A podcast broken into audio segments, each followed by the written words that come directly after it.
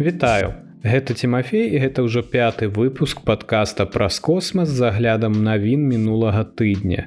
Сёння раскажу вам пра запуск Атоміс1, пагаворым пра здымак нараджэння новай зоркі, кітайскія загадкавыя спадарожнікі для назірання за зямлёй, шлях кюбсатаў, аблокі марса і іншыя. Давайте пачынаць.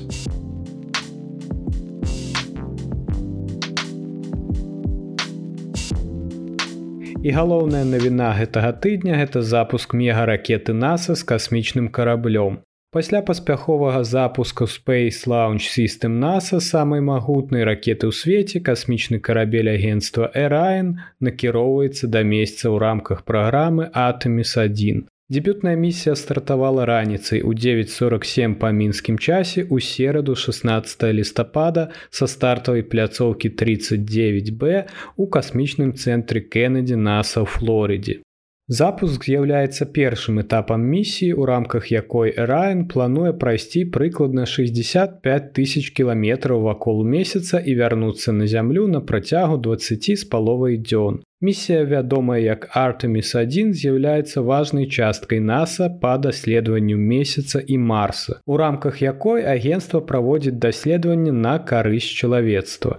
Гэта важнае выпрабаванне для агенства перад запускам астранаўтаў з місіяй Артеміс 2. Гэта неверагодна ўбачыць, як ракета СЛС і касмічны карабель Раен упершыню запускаюцца разам. Гэтае беспілотнае лётнае выпрабаванне падштурхне Раен да мяжы магчымасцяў у суровых умовах глыбокага космосу, дапамагаючы нам падрыхтавацца да даследавання чалавекам месяца і ў канчатковым выніку марса, сказаў адміністратор нас наса біл Нельсон. Дасягнуўшы сваёй пачатковай арбіты, Раін разгарнуў свае сонечныя батареі. І інжынеры пачалі праверку сістэм касмічнага карабля. Прыкладна праз паўтары гадзіны палёту рухавік верхняй прыступкі ракеты паспяхова працаваў на працягу прыкладна 18 хвілін. Каб даць Раіну вялікі штуршок неабходны для таго, каб адправіць яго з калазямной арбіты да месяца. Спатрэбілася шмат часу, каб зрабіць гэта, але цяпер Эрайн знаходзіцца на шляху да месяца, сказаў Джим Фры, намеснік памочніка адміністратара NASAа ва ўпраўленні місій па распрацоўцы даследчых сістэм.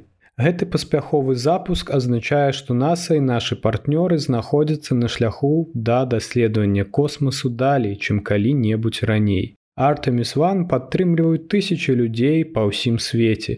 Ад падрадчыкаў, якія пабудавалі райны СЛС і наземную інфраструктуру, неабходную для іх запуску да міжнародных і універсітэцкіх партнёраў. І таксама да малых прадпрыемстваў, якія пастаўляюць падсістэмы і кампаненты. З дапамогай місіі Атэміс NASAа высадзіць першую жанчыну і першага цемнаскурага чалавека на месяц, праклаўшы шлях да доўгатэрміновай прысутнасці на месяцы і служачы трамплінам для астранаўтаў на шляху да марса. На момант запісу падкаста 19 лістапада Эрайн знаходзіцца на адлегласці ў 150 тысяч кіламетраў да месяца. Вы можете сачыць за яго месцазнаходжаннем онлайн. Я пакіну спасылку на трекеру ў апісанні. Трекер паказвае анімацыю Эрайну космосе разам з часам місіі, хуткасцю капсулу і яе адлегласці ад зямлі і месяца. Вы можете змяніць выгляд паварочваючы камеру або перамяшчаючыся паміж чатырма камерамі на крылах з сонечнымі батарэямі, або пераключаючыся паміж відамі траекторыі місіі на дадзены момант.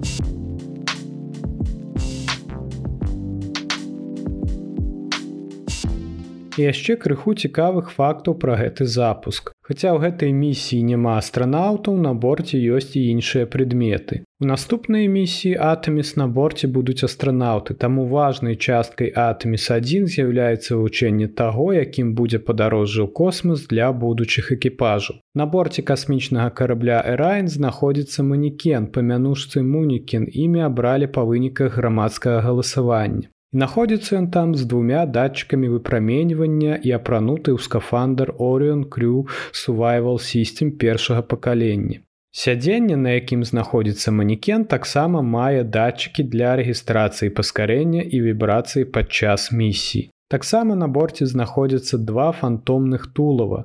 Манекены толькі з тулавымі і галавой без рук і ног, якія сядзяць на двух іншых сядзеннях. Іх імёны Хельга і Зохар. Яны выкарыстоўваюцца для вымярэння колькасці касмічнага выпраменьвання, якое астранаўты могуць атрымаць унутры касмічнага карабля падчас місіі на месяц. На іх апранутая радыяцыйна ахоўная камізэлька пад назвай астрарад і падчас эксперыменту будзе ацэньвацца ўплыў камізэлькі на зніжэнне ўздзеяння радыяцыі. Таксама на борце ёсць прадметы з калекцыі нацыянальнага музею авіяцыі касманаўцікі ЗША. Першы з іх гэта болт аднаго з рухавікоў апалона 11 F1 падняты са дна акеану 10 год назад а таксама памятная манета апалона 8 часткова зробленая з металу місіі апалон 8 і нашыўка камерцыйнай місіі апалон 17 набытая ў касмічным цэнтры кеннеді ў 1970-х годах. Гэтыя прадметы дазваляюць звязаць гісторыю праграмы апалон з будучыняй даследавання месяца. Яшчэ адным прадметам з'яўляецца адпраўленае ў космас насенне дрэў Это сумесны праект NASAа і лясной службы міністерства сельскай гаспадаркі ЗША, у рамках якой у космас адправілі тысячу насенняў дрэў. Калі вы чулі пра такое раней, вы маеце рацыю. Гэты праект заснаваны на падставе праекта месяцовых дрэў апалона. Дрэў, якія былі пасаджаны па ўсёй краіне з насення дастаўленага падчас місіі апалон 14. Ну і якая ж місія без мілага ZeroG індыкатара. Індыкатор ZeroG гэта прадмет, які выкарыстоўваецца для абазначэння таго, што касмічны карабель дасягнуў без важкасці ва ўмовах мікрагравітацыі. І гэты індыкатар уяўляе сабой, увага барабанная дроб, невялікую цацку снупі. Снупі гэта фігурка, якая доўгі час асацыявалася з праграмамі пілатуемых касмічных палётаў NASAа. У гонар снупі названая ўзнагарода NASAа срэбраны снупі.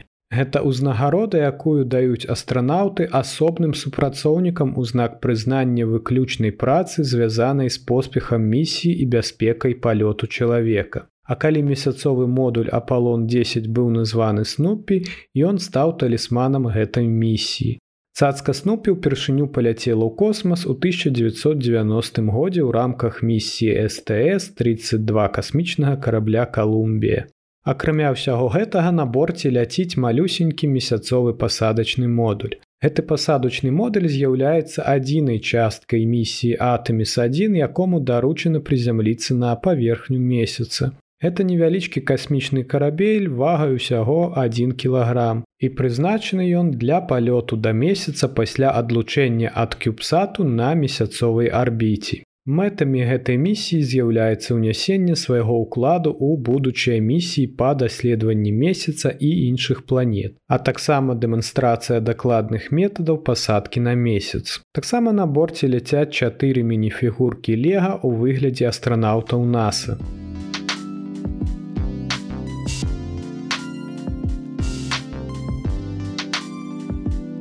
Я расказваю пра здымкі зробленыя гэтым тэлескопам амаль у кожным выпуску, але гэтыя здымкі сапраўды вартыя таго. І гэты выпуск не стане выключэннем. Як вы ўжо здагадаліся, размова ідзе пра касмічны тэлескоп NASAа імя Джеймса Вэба, які злавіў вогненны пясочны гадзіннік у момант, калі нараджаецца новая зорка. Я пакіну спасылку на гэты пясочны гадзіннік у апісанні. Касмічны тэлескоп выявіў калісьці скрытыя асаблівасці протазоркі ў цёмным воблаку L1527, што дае ўяўленне аб зараджэнні новай зоркі. Гэтыя пылаючыя аблокі ў вобласці зоркаўтварэння бачныя толькі ў інфачырвоным святле, што робіць іх ідэальнай цэлью да камеры блізкага інфрачырвонага дыяпазону веба.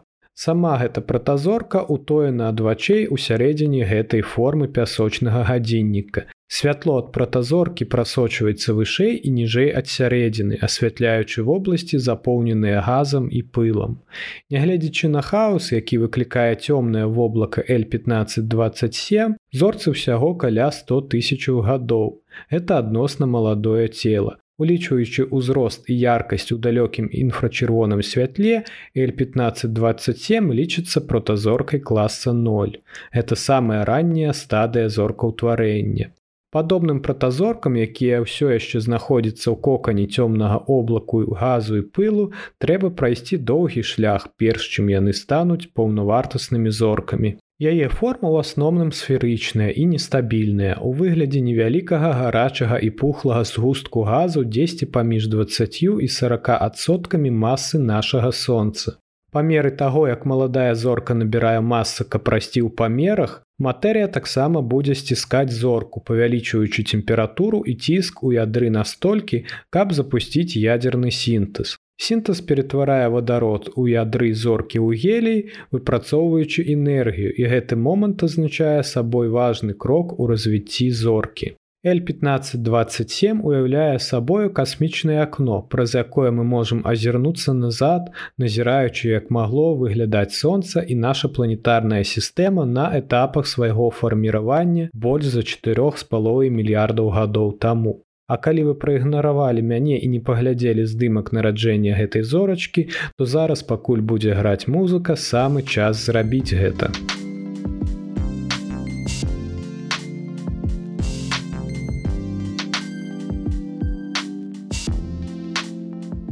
Кітай запусціў загадкавыя спадарожнікі для назірання за зямлёй. Гэта 53 запуск ракеты Китаем у 2022 годзе і да нацыянальнага рэкорду установленага ў 2021 годзе засталося ўсяго тры. У сераду 16 лістапада Кітай адправіў космас яшчэ адну групу спадарожнікаў назірання за зямлёй Гоуфен.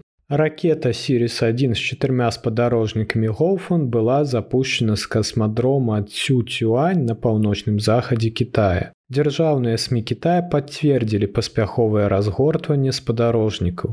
Карысная нагрузка паднятай ракетай будзе выкарыстоўвацца для прадастаўлення камерцыйных паслуг дыстанцыйнага зандзіравання, паведамляе кітайскае навіннае агенцтва і дадае, што гэта чацвёрты палёт Сірис. Касмічныя кампаніі ў Кіаі, як правіла, не з'яўляюцца незалежнымі арганізацыямі, як, напрыклад, у ЗША ці большасці іншых краін. Хутчэй яны, як правіла, з'яўляюцца часткай кітайскае нацыянальнага касмічнага ўправлення і ўрада Китая. Серія спадарожнікаў Гоуфен з'яўляецца часткай кітайскай сістэмы назірання за зямлёй з высокім расшырэннем, але выкарыстанне спадарожнікаў Гоуфен застаецца туманным. Падчас мінулых запускаў кітайскія дзяржаўныя СМі заявілі, што спадарожнікі Гофен дапамагаюць у гарадскім планаванні, праектаванні дарожнай сеткі, тапаграфічных здымках, зборы ўраджаю і аказанні дапамогі пры стыхійных бедствиях. Але Саус Чайна Morning Пост выказаў меркаванне, што ў спадарожнікаў можа быць і ваеннае прымяненне цэлым Кітай дзейнічае незалежна ад міжнароднай касмічнай супольнасці і ўрад США абмяжоўвае NASAа ў заключэнні двухбаковых пагадненняў з Китаем. Хаця адміністратор NASAа Билл Нельсон нядаўна сказаў, што супрацоўніцтва з Китаем залежыць ад самого Китая.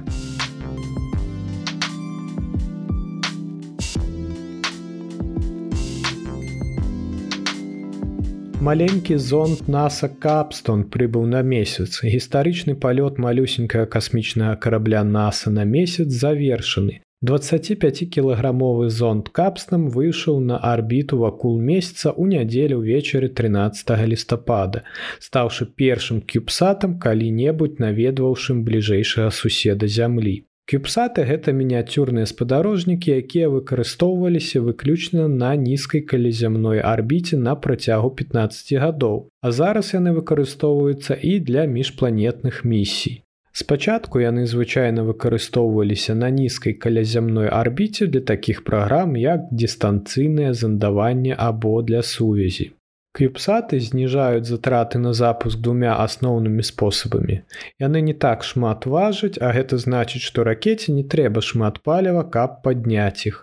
У большасці выпадкаў яны таксама дзеляць ракету з буйнейшым спадарожнікам, што дазваляе дабрацца да космосу з цяжэйшай карыснай нагрузкай. Апошні манёвр вывеў капстан на амаль прамалінейную галаарбіту вакол месяца, высокаэліптычную траекторыю, якая будзе занята будучай касмічнай станцыі NASA Gateway. Gateway гэта магчымая месячная касмічная станцыя NASA. Раней яна была вядомая як месяцовая арбітальная платформа і уяўляе сабой прапанаваную праграму NASA, якая будзе дастаўляць астранаўтаў на месяц для кіравання месяцовай касмічнай станцыі.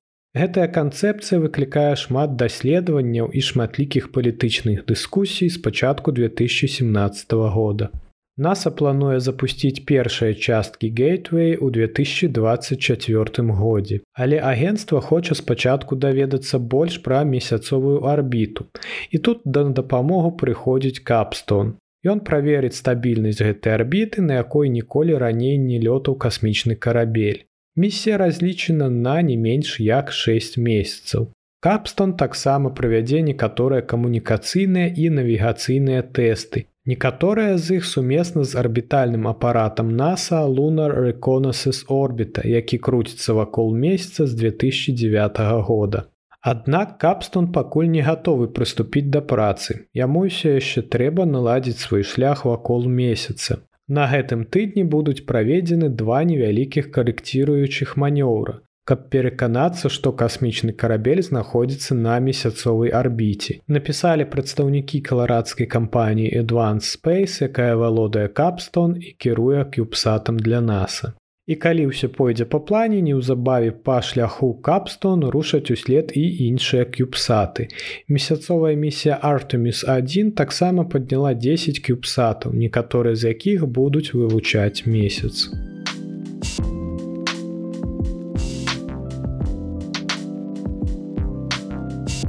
Яшчэ адзін месяцовы кюбсат NASA для палявання за вадой гатовы для запуску разам SpaceX.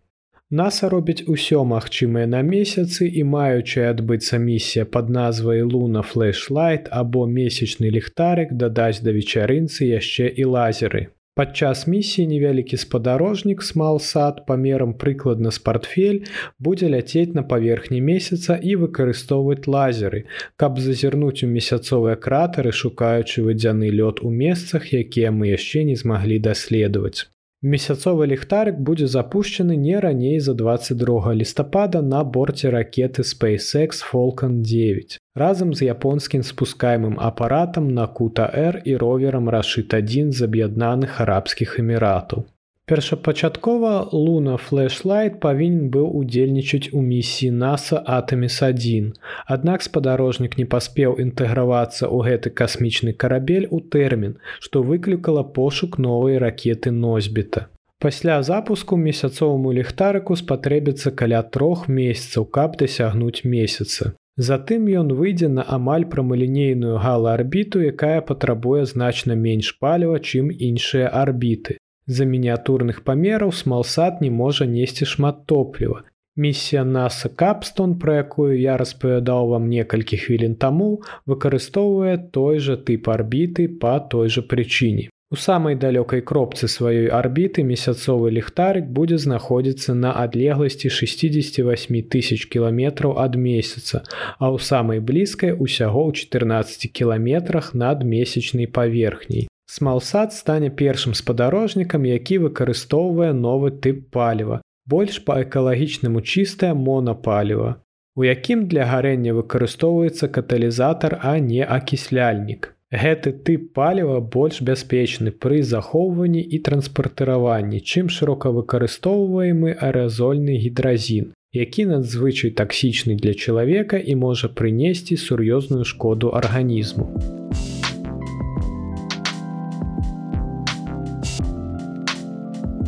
Аблокі Марса дзіўна падобныя на зямныя, нягледзячы на зусім розныя атмасферы. Марс і зямля, магчыма, маюць падобныя ўзоры аблокаў, што намякае на тое, што гэтыя асаблівасці могуць фармавацца практычна аднолькава. Назіранні, атрыманыя з дапамогай касмічных караблёў Марс Экспрэс еўрапейскага касмічнага агенства і Марс Reconnaissance Орбіта NASA аказаліся нечаканымі. Магчыма, самым дзіўным для навукоўцаў было тое, што аблокі, назіраныя над сухой і засушлівай атмасферай Марса, нагадвалі аблокі, якія сустракаюцца ў самых розных асяроддзях на зямлі. Думаючы аб марсіянскай атмасферы на зямлі можна лёгка ўявіць сухую пустыню або палярны рэгіён. заявіў вучоны праектам марс экспресс колін уилсон Таму зусім нечакана што адсочваючы хаатычны рух пыльных бур можна правесці паралелі з працэсамі якія адбываюцца ў вільготных гарачых і зусім непадобных на марс трапічных рэгіёнах зямлі У ходзе даследавання навукоўцы вывучылі дзве пылавыя буры, якія адбыліся паблізу паўночнага полюсу марса вясной 2019 года. Выявы паказваюць, што штармы нарастаюць, а затым знікаюць у цыклі, які дэманструе агульныя рысы і формы, якія паўтараюцца на працягу некалькіх дзён. Гэтыя штармы спіральнай формы і даўжынёй ад адной тысячи да двух тысяч кіламетраў. Гэтыя спіралі фармуюцца гэтак жа, як і пазатрапічныя цыклоны, назіраныя ў сярэдніх і палярных шыротах зямлі.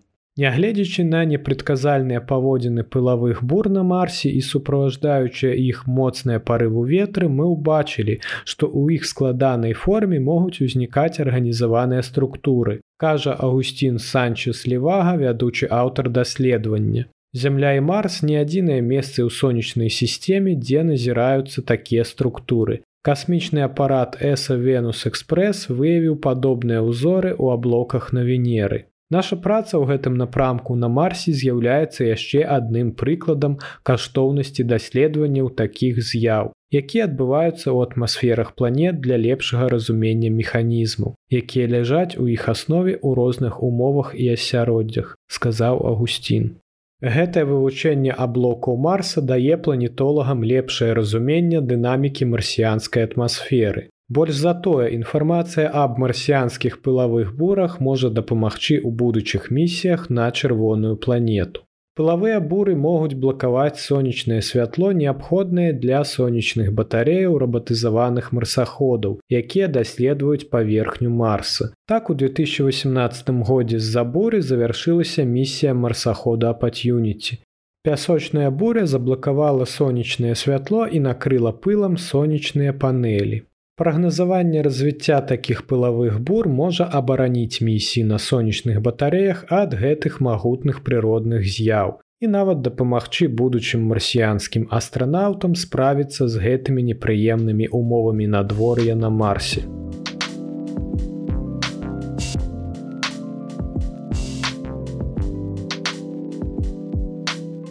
Это ўсе навіны, пра якія я хацеў расказаць вам у гэтым выпуску, цяпер да падзею, якія нас чакаюць. NASA і SpaceX агучылі новую дату запуску для наступнай камерцыйнай грузавой місіі. Гэта адбудзецца не раней за 1554 па ўсходнім часе ў аўторак, ці амаль апоўначы ў 2354 па мінскім часе 22 лістапада з рэзервовай магчымасцю ў суботу 26 лістапада. Грузавы карабель аўтаматычна прыстыкуецца да пярэдняга порта модуля МКС раніцай у сераду. На саціві ў дадатку і на вэб-сайце агенства пачне рэпартаж аб запуску ў 23:30 у аўторак і аб стыкоўцы ў 22:30 у сераду па мінскім часе. Гэта будзе шосты палёс SpaceX у рамках кантракту з нас, заключанага ў студзені 2016 года. Falcon 9 гэта шматразовая ракета распрацаваная і вырабленая SpaceX для надзейнай і бяспечнай дастаўкі людзей і карысных грузаў на калязямную арбіту і за яе межы.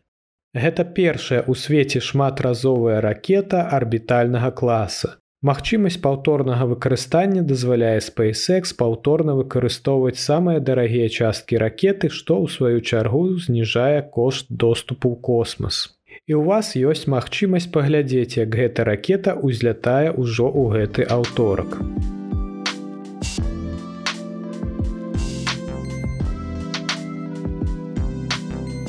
23 лістапада на прайм відэа Амазон выйдзе фільм дабранач опі. Я расказваў вам пра гэта ў другім выпуску падкаста. Фільм выйшаў у пракату кінтэатрах ЗША 4 лістапада, а на наступным тыдні мы можам яго ўбачыць дома. Дабранач опі гэта натхняльная рэальная гісторыя марсахода апатюніці, які быў адпраўлены на марс з 90-дзённай місіі, але ў выніку праіснаваў 15 гадоў. Фільм распавядае пра наватарскае падарожжа апатюніці на Марс і пра выдатную сувязь паміж робатам і людзьмі, якія знаходзіліся за мільёны міль ад марсахода.